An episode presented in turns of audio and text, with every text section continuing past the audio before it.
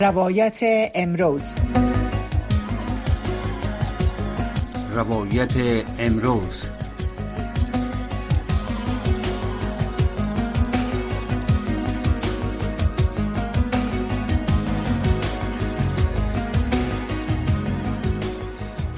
شنوندگان و بینندگان ارجمند برنامه روایت امروز با عرض سلام و تمنیات نیک حضور یک یک شما عزیزان و علاقمندان این برنامه لیلما حبیب عظیمی هستم و دقایق چند با مهمان گرامی این ساعت با شما خواهیم بود. مهمان این هفته جناب کمال الدین مستان شاعر و نویسنده هستند که با کار نویسندگی در مجله های ادبی و فرهنگی در عرصه هنر و فرهنگ سالهای زیادی را سپری کردند و همچنان در سالنامه های کابل ریاست نشرات وزارت اطلاعات و کلتور وقت ریاست دیپارتمنت ادبی و همچنان در رأس اداره ارزیابی این وزارت و رئیس اداره نتاقان رادیو تلویزیون ملی و بعدها به حیث کارمند در برنامه د نوی کور نوی ژوند در بی بی سی و سالهای اخیر هم به حیث معاون رئیس اداره هنر و ادبیات رادیو تلویزیون ملی ایفای نقش داشتند. آرایه های ادبی و آثار و نوشته های آقای مستان را که وقتا فوقتا از طریق رسانه های اجتماعی مطالعه می کنیم طرفداران و علاقمندان زیادی داشته و دارد. محترم کمال الدین مستان شاعر و نویسنده افغان را از طریق ارتباط مستقیم تلفن در برنامه با خود داریم که فکر می کنم ایشان روی خط هستند. سلام.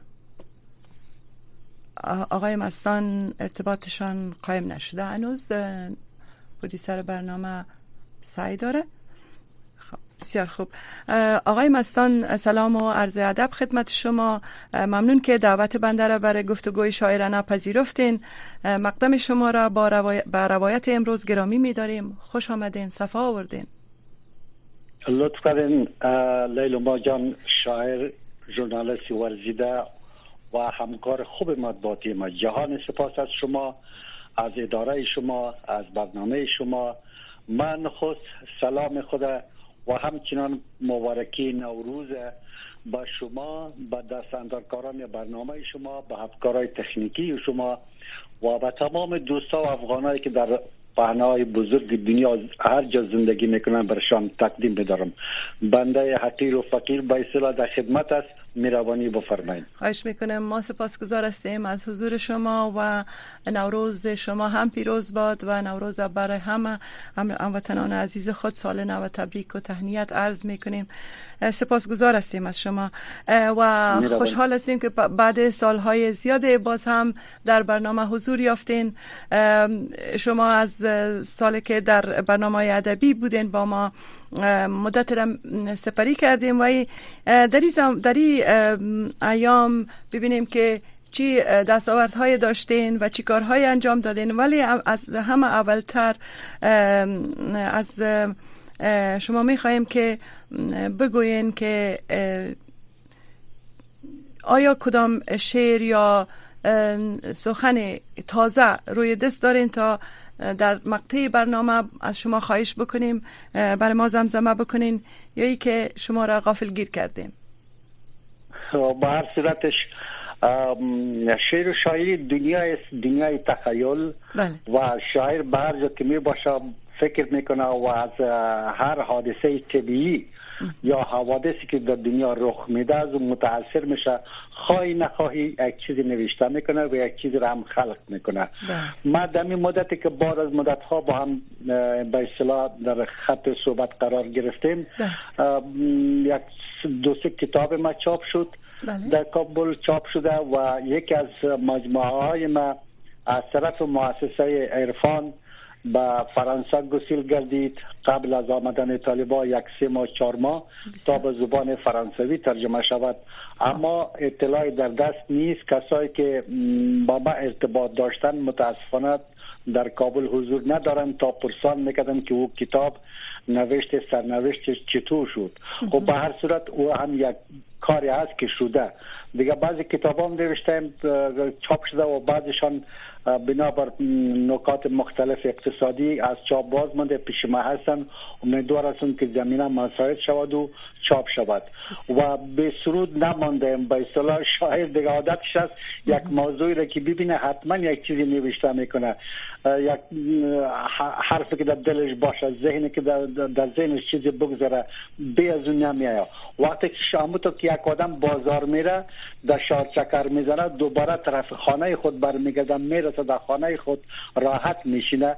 شاعر هم در تخیل خود در اندیشه خود در ذهن خود یک چکر می‌زنه یک گردش می‌کنه یک حرکت می‌کنه و بعد چکر و گردش و حرکت که دوباره آرامش پیدا می‌کنه آنچه که در ذهن خود داشته است او رو در کلمات خود که آورده است اونم یک شکل شعر به خود می‌گیره و به اصطلاح یک شعر ازش ساخته میشه. دیگه ما به می عقیده هستم لیلا جان. واقعا همینطور بسیار عالی.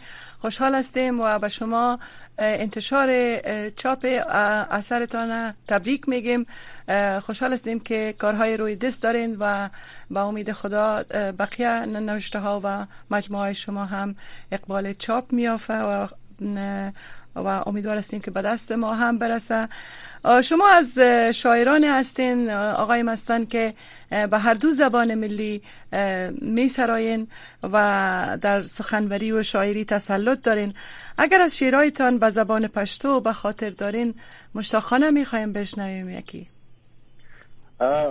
ما با آمدن آمدن تغییرات و تحول در افغانستان. بله.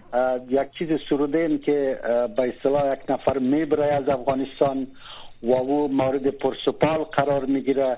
اینه میره تصویر کردیم. برتان می‌خوانم.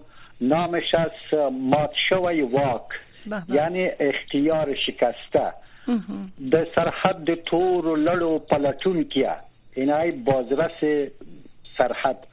د سرحد تور و لړ و پلټون کیا ما وڅاره خلک ورورو ما وپلټه خلک ورورو ولې دا چې زړه مې مات دی ذهن مات او واک مې مات دی.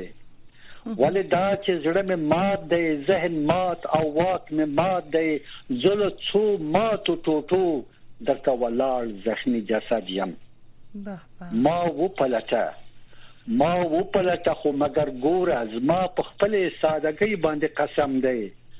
زما په خپل سادهګۍ باندې قسم دی چې هیڅ شی را سره نشته.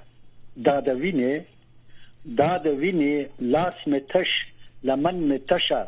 صادر تش دی چې اوګینا را جړیږي هو یواز او یواز موټه خاور د وطن می په ایمان کې د پیچلې هو یواز او یواز موټه خاور د وطن می په ایمان کې د پیچلې.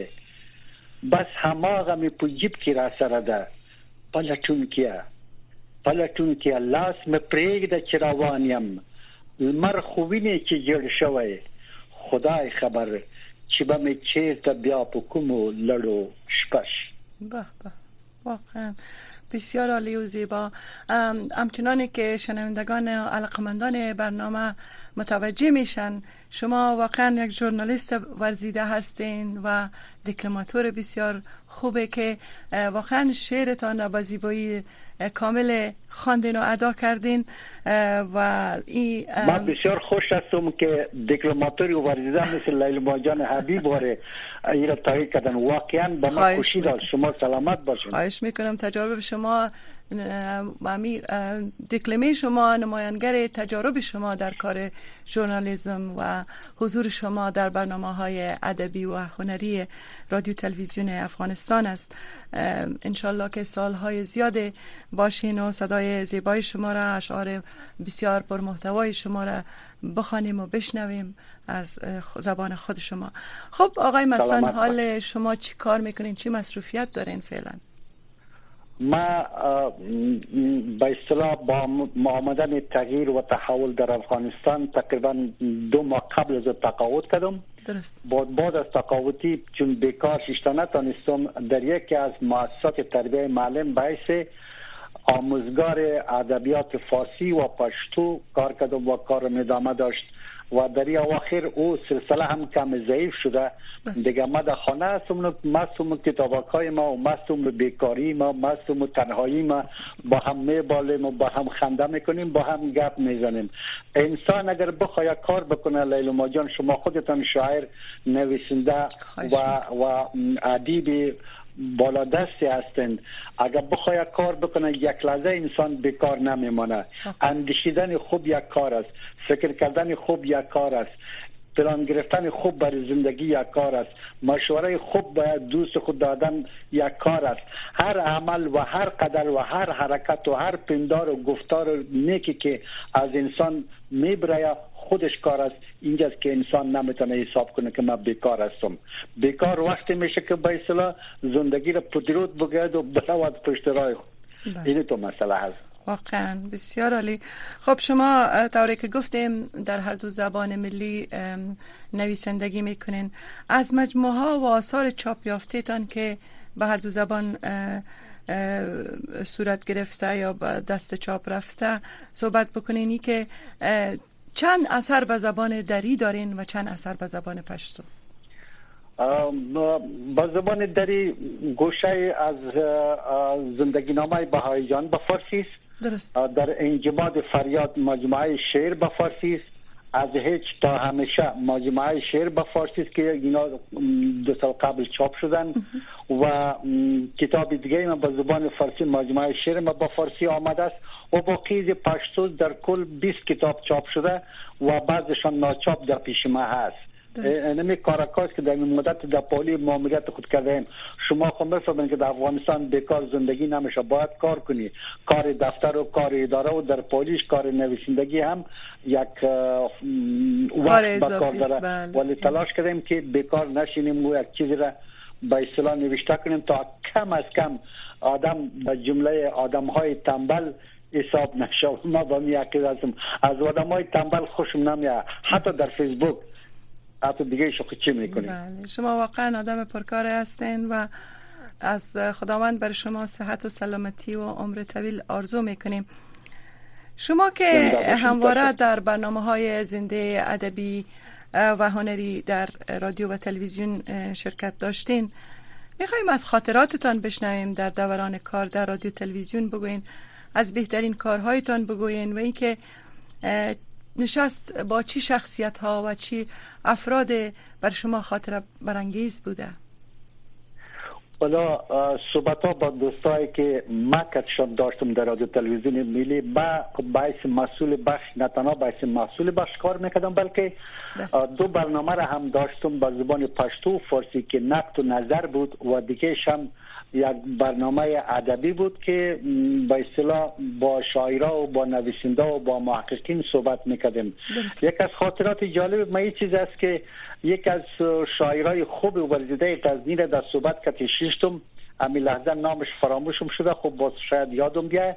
و او صحبت کرد درباره همیرای سلجوقی. باز ما گفتم همیرای سلجوقی کی بود؟ گفت از غزنی بود. ما گفتم خب چه قسم خانم بود؟ گفت از غزنی بود دیگه. باز ما همون جهنان زدم گفتم دوستای عزیز امی لحظه دوست ما اندیشش و فکرش کما کره سوی دیگر رفته. ما به اجازهشان کمی گپ می‌زنم که همیرای سلجوقی دختر کی بود چطور با استاد صلاح الدین سلجوقی به اصطلاح ازدواج کرد و چگونه تمایل خود نشان داد. پدرشان از طرف کی کشته شد و چرا در غزنی کشته شد این معلومات را دادم. همونجا امی دوستی که من کش مصاحبه می‌کردم پیشانه باز شد بسیار خوش شد. و در این حال ایتو مردانوار اعتراف کرد گفت که شما میربانی کردین ما به خاطر نداشتیم میگه پارا شما گفتین واقعا که گفتین راست گفتین گفت به خاطر ما هم عالی آمد که امی گپای شما راست بود. واقعا همیرا سلجوقی یک از بانوان بسیار ورجیده زمان و وقت خود بود. زمانی که آدم کتابای سلجوقی را می‌خوانه از تقویم انسان گرفته تا به اصطلاح عروج و نزول زندگی آدم ها به اصطلاح تا کتابای دیگه که می‌خوانی آدم تعجب می‌کنه. لیل ما جان بعضی اوقات که من کتابای بزرگ دانشمند خانده را می‌بینیم واقعا شرم میاد که اصلا نویسنده اینا بودن. اصلا محقق اینا بودن. ما همو تو به اسلام و خوششین و یگان خوشه را جمع می‌کنیم و خوش میشیم که والا ما اینا نوشته کردم و اینا کتاب نوشته کردم. زمانی که تقویم انسان سلجوقی را آدم می‌خواه آدم به حیرت میره. زمانی که محمد در شیرخوارگی و خورسالی را آدم می‌خوانه نصر از رو آدم می‌بینه ادبیات از رو آدم می‌بینه. او را در ایران دو وقت به نام خدای نصر می‌گفتند که اقدر آدم ورزیده بود. او رو آدم ببینه آدم تعجب می‌کنه. و همیرا هم از بانوان بود که همکار خوب شاور خود صلاح سلجوقی بود. اینه که ما گفتم اما دوست ما بسیار خوش و بعد از ختم برنامه روی مرا بوسید گفت که واقعا ما از افتخار می‌کنم. به هر صورت ما یک وقت خوانده بودم که همیرا سلجوقی کی بود اما که تصادفا به یادم بود. دیگه بارهای اتفاق افتاده کسی هم روبرو شدیم که گفتم که گپ بزن. وقتی که دو کلمه سه کلمه گفته دیگه در برنامه که جریان دارم مرا میگه. دیگه چی بگم؟ چی میگم؟ من خنده گفتم هر چی که میگی بگو. بالاخره همونجا برنامه رو استاپ کردیم. چاره نبود. تا که گپا بردادیم باز دوباره او رو ثبت کردیم و به لنگ انداختیم و پیوند کردیم و خلاص. اینی خاطرات داشتیم بسیار جالب و شنیدنی بود. واقعا پیش از که از خاطر من بره شما از همیرا سلجوقی یاد کردین ما در از آثار همیرا سلجوقی چیز نخواندیم. ولی هر اثری را که از استاد سلجوقی مطالعه بکنین حتما شما متوجه شدین که نام همیرا را در آغاز و در پیش گفتار گرفته و همیشه از بانوی بسیار برازنده یاد کرده به حیث همسر خود که قابل ستایش است واقعا. بله. بالکل او همیرا سلجوقی واقعا یک یک زن با دانش بود. انگلیسی بسیار فوق العاده داشت. در مقدمه خود از مجله بسیار وزین خارجی انگلیسی ریدر دایجست مطلب بسیار خوبی را ترجمه کرده بود که حتی اول در دسترس آدم کتاب به کسی رسیده باشه یا داشته باشش. تمام بخش ترجمه از بسیار زیباست بسیار عالی و بسیار قشنگ است. ما او تو کمتر بانوان داریم ولی افتخار می‌کنیم با بانوانی که فعلا منتها یک گپ یادآوری کنم که زمانی دیروز تا امروز متفاوت است. دیروز ترس انتحاری نبود. دیروز ترس کشتن نبود. دیروز ترس گرسنگی نبود. دیروز امکانات زندگی در هر عرصه زندگی برای مردم مساعد بود. ولی حالا حالا بانوان ما با یک عالم پرابلم. زنان کشور ما با یک عالم دشواری ها با یک عالم تشویش و با یک عالم رنج که دارن زندگی رو با پیش می‌برن. ولی بان هم تشنه مطالعه هستن علاقمند مطالعه و کتاب هستن علاقمند تحصیل و درس و سبق گپای خود هستن. ما تحسینشان می‌کنم و تقدیرشان می‌کنم که در همچی شرایط که با اصطلاح مجموعه از تمام پریشانی هاست باز هم می‌خواهند بخوانند باز هم می‌خواهند بنویسند. واقعا بسیار عالی. قبل از اینکه برنامه به نیمه البته برنامه نیمه اول برنامه ختم شده یعنی بیشتر از 15 دقیقه تیر شده و کمتر از 15 دقیقه باقی مانده و تا فرصت در دست است می‌خواهیم یک اثر دیگی از شما, شما را هم بشنویم و باز بریم سراغ پرسش های دیگه و با شما مطلب بسازیم. چرا نه؟ تشکر. چرا نه؟ ما می سرود را که براتان می‌خوانم نو است. بله. ایرا آدرس دادم برای کسایی که اگر می‌خواهد وطن می بیاین بله. وطن ما را ببینن یا پیش ما بیاین ایرا آدرس دادم. خب. نام شیر است نشانی. درست. بیا اما اشتباه نکنی. بیا اما اشتباه نکنی. رنگ کالاهای من به رنگ سادگی های من است. هیچ رنگ و نیرنگ در زندگی من چهره نمی دهد هیچ رنگ و نیرنگ در زندگی من چهره نمی دهد راحت بیا. من گاه گاهی هم نشین شبنم می باشم چرا که ما هر دو از یک تباریم. و اگر آنجا نبودم کمی آن سوتر آبشار تندی است که فریاد تشنگی آن از بلندای کو به زمین میریزد. و اگر آنجا نبودم کم آن سوتر آبشار تند است که فریاد تشنگی آن از بلندای کو به زمین میریزد و من در صدای خشک آن نفس می‌کشم. و از آنجا گذشته هفت کو در میان سرزمینی است که آن را سرزمین مرگ مینامند و سرزمین دود و آتش جایی که آنجا خوشی و لبخند را به دهن توپ میبندند و هر روز منصور بدار آویخته می شود و من و من چون عابر به دم و دود آن را نظاره می کنم و اگر آنجا صدای خوابهای گرسنگی چشمانم را ندیدی و اگر آنجا صدای خوابهای گرسنگی چشمانم را ندیدی یک گام جلوتر پیش جنگل سوخته به آتش بیا. یک گام جلوتر پیش جنگل سوخته به آتش بیا. من در میان خاک و خاکستر دود از پهلوی کنده زخمی بلود بر رویت طلوع می‌کنم. غم مکن جیبهایم از آفتاب پر است. یادت باشد. من هیچم و هیچ چیزی هم ندارم. همینم. نیازی نیست فاشم کنی. من در تمام برهنگی هایم تنها تو را پوشیده ام وقتی در نگاهم آرمیدی در من حلول کن تا لحظه با هم نفس بگیریم. زندگی را عشق و دلبستگی را از گره مشت زمان پس بگیریم. اینمی بود یک قادر بسیار زیبا. واقعا ستودنی و مثل همیشه قریه پویای شما جاری باد زنده باشین. نویسا بمانین. شما دوری که ما مطالعه می‌کنم اکثر وقتا از طریق رسانه های اجتماعی. مزامین موضوعات زیادی در اشعار شما در سروده های شما مد نظر گرفته شده. ولی در مجموعه های شیری که به دست چاپ سپردین یا آثاری را که چاپ کردین بیشتر موضوعات و مزامینی را که در اشعارتان به کار بردین چی بوده و بیشتر در اطراف کدام موضوعات پیچیده جالب موضوعی چیزی است که ما اکثرا کوشش می‌کنم در سروده های ما در شیرهای ما عشق یک تپش خاص داشته باشه درست. اما پرابلم اینجاست که عشق بعضی ها به اصطلاح یک مجامعت با گپ فروید مجامعت جنسی احساس می‌کنم. در حالی کوتا نیست. عشق یعنی دلبستگی به انسان دلبستگی به خدای خود دلبستگی به جامعه دلبستگی به انسان دلبستگی به تمام پدیده ها اگر در وجود انسان عشق موجود باشد اگر انسان با عشق معتقد باشد هیچ چیزی دیگه در دنیا به اصطلاح بد نیست. هر چیز مثل آفتاب می درخشد. هر چیز مثل یک یک پدیده مثبت خوب در ذهن انسان مجسم شده میره. با مخاطر ما تلاش کردیم که عشق خود درد با هم یک جا کنم و این دو پدیده با هم یک جا شود.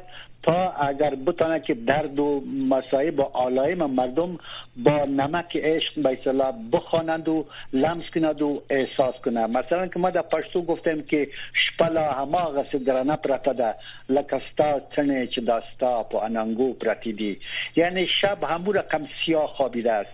صبح درک نداره. مثل موهای تو که بر پیشانی تو خوابیده است. اگر مو پیشانی تو دیده نشود صبح نمی شود. آفتاب طلو نخواهد کرد تاریکی برای همیشه ادامه خواهد داشت. اینا اگر انسان با انسان از محبت از دوستی از عشق برخورد می‌کنه بدون شک در زندگی هیچ نوع نفرت وجود نداره. ما تعجب می‌کنم یک شاعر بسیار مقبول ما نامش فراموش کردیم که میگه که این وقت و این زمانی که ما زندگی می‌کنیم برای عشق بسیار کم است برای محبت بسیار کم است برای انسانیت و کرامت انسانی بسیار کم است. ما تعجب می‌کنم که مردم برای نفرت و دشمنی و همدیگر کشی چطور وقت پیدا می‌کنن. این مسائل هست. بسیار عالی. خب شما نوشته های هم در نشرات مختلف در داخل افغانستان داشتین و طبعا از آثار شما و از نوشته هایتان از اشعارتان هویداست که مطالعه زیاد می‌کنین. اگر بپرسیم که با کدام یک از نویسندگان و یا شاعران جهان بیشتر علاقه مند هستین و آثارش مطالعه می‌کنین. واقعیت چیز که یک وقت من از این گپ منکر بدم که چرا مردم از نویسنده خارجی یاد می‌کنن و از نویسنده خود نه؟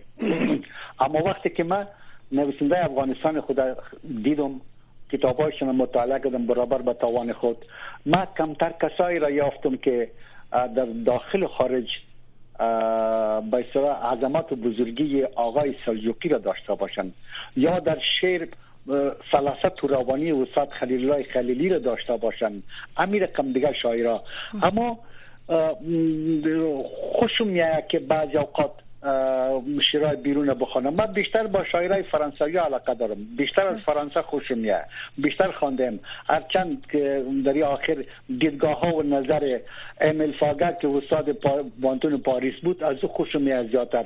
و بعض اوقات از والتویت من امریکایی هم می‌خوانم. اونا هم خوشم میاد. شعرهایشان بسیار بالا شعرهایشان بسیار بلند است. و از این نفر هم از جان هم خوشم میاد. مثلا از بعض شاعرای دیگه فرانسه که لحظه به خاطرم نیست که اگر من میفهمیدم که شما چی می‌پرسین به اصطلاح من کمک شاید نامایشون به خاطر خود میسپرتم خب به هر صورت خوشم میاد. اینا نوشته های بسیار بلند دارن. فرانتس کافکا بسیار خوشم از بسیار می‌خوانم. امیر کم شاعرها و نویسنده دیگه اما دیدگاه هایی که ایمل فاگا داره بسیار خوشم منتها به یک حرفش موافق نیستم. و او این چیزیست که ایمل فاگا وقتی که بخواین شعر برش میدن که این شعر تو ارزیابی کو او اتومات خود شخصیتش اول ارزیابی می‌کنم. این بسیار پخته آدم است. فلحاظ شعرش هم خوب است. ما فکر می‌کنم این کار خوبی نیست. با عقیده ما به نظر ما که ما بسیار آدم کوچک و حقیر و فقیر هستم. یک کسی خواه گفت که آقا جان تو سر پیاز کنی پیاز تو چی که گپ رو می‌زنی. اما به نظر ما به که در افغانستان ما تجربه دارم. زمانی که ما شعر خودم می بودیم در برای کاندید که جایزه بگیره با شعر کسی انتخاب می‌شد که او دیگه بسیار با شخصیت می بود در مدارج بالا کار می‌کرد. می‌گفت که فلانی آدم خو این که آدم است؟ فلحاظ باید شیر از جایزه اول بگیره. دیگه یادم نمیره که من یک شیر خود سروده بودم.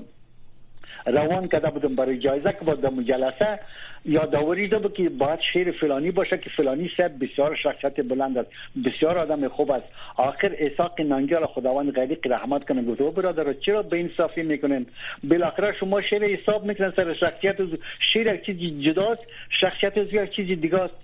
یک چیز جداست. اما که میگه شعرا و یقولون ما لا یفعلون. شعر چیز دیگه است کنم میگه. باز امون یه گفته که شعر از آدم قابل عزیز که باید جایزه اول بگیره. باز امون یه چانس آوردم که جایزه اول گرفتم. با مخاطر امیل فقط بیشتر یادم میایه و اوی دیدگاهش هم که خوش نمیایه امی هم یادم میایه اما در پالوش باز اون شاعرای دیگه هستن مثل ادگار آلانپو. هیچ سر کسی رحم نمی‌کنه. سر کسی رای نمی‌زد که تو خوش میشی یا خفه. می‌گفت ایت از بعض آدم ها عبور می‌کنه مثل الماس که سنگ عبور می‌کنه.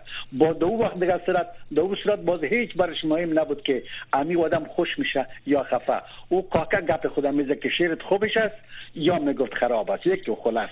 اما باز امیل فاگای تو نبود. او می‌گفت تو بسیار شریف آدم است. بسیار خوب آدم است. پس شعرش هم بسیار خوب شد پس خوب آدم است و شعرش هم خوب است. این تو دیدگاه هست. بسیار عالی. در قسمت مطالعه آثار بزرگان ذوقتان عالی است. آقای مستان سپاسگزار هستیم از توضیحاتی که دادین دقایق کوتاهی از به ختم برنامه مانده ولی یک پرسش آخری هم با شما مطرح می سازیم به نظر شما شیر گفتن قابل یاد گرفتن است و یا باید ذاتی باشد؟ ما فکر می‌کنم که این تو نیست که بگم که والا فلانی نفر پدر شاعر بود باید بچه‌شم شاعر باشه بسیار اتفاق میفته اولی نکته می‌خوام کم تشریح کنم کوتاه که هیچ کس رقم کسی دیگه نمیشه هیچ کس اگر می‌شد به اصطلاح یک خیلی نویسنده است مثل ماکس وبر او باید باید جای ارسطو رو میگه فیلسوف میشه باید تو کتاب نوشته میگه اقتصاد کاپیتال باید نوشته میگه ولی نمیشه هیچ کس رقم کسی نمیشه هر کس خودش برای خودش است هیچ بچه رقم پدر نمیشه و هیچ پدر رقم بچه خود نیست. دیگه به اساس شعر ما سوال فراموش کردم ببخشید خب شما توضیح دادین که در قسمت ازی که شعر ذاتی باید باشه یا شعر گفتن قابل یاد گرفتن هم است. ولی شعر فقط شعر, شعر فقط آموزش است. مطالعه میشه علاقه گرفت پیدا میشه خوانده میشه. و دوم دیگه ارتباطی با محیط می‌گیره. اگر یک نفر در محیط جنگی باشه بهترین جنگی است. مثل به اصطلاح جنگ جنگ جنگی مشهور فرانسه که بود. نامش هم یادم رفته دیگه اگر در محیط ادبی باشه یک ادیب میشه اگر در محیط دوست باشه دوست میشه. اما شخصیت انسان عناصر سه عنصر تکمیل می‌کنه. رفیق خوب دوست خوب مستان بسیار تشکر ممنون بسیار ممنون از اینکه شرکت کردین در برنامه. در دقایق آخر برنامه قرار گرفتیم. ناگزیریم. با شما خداحافظی کنیم. سپاس از, از حضور صمیمانی شما در روایت امروز. موفق و معید باشین.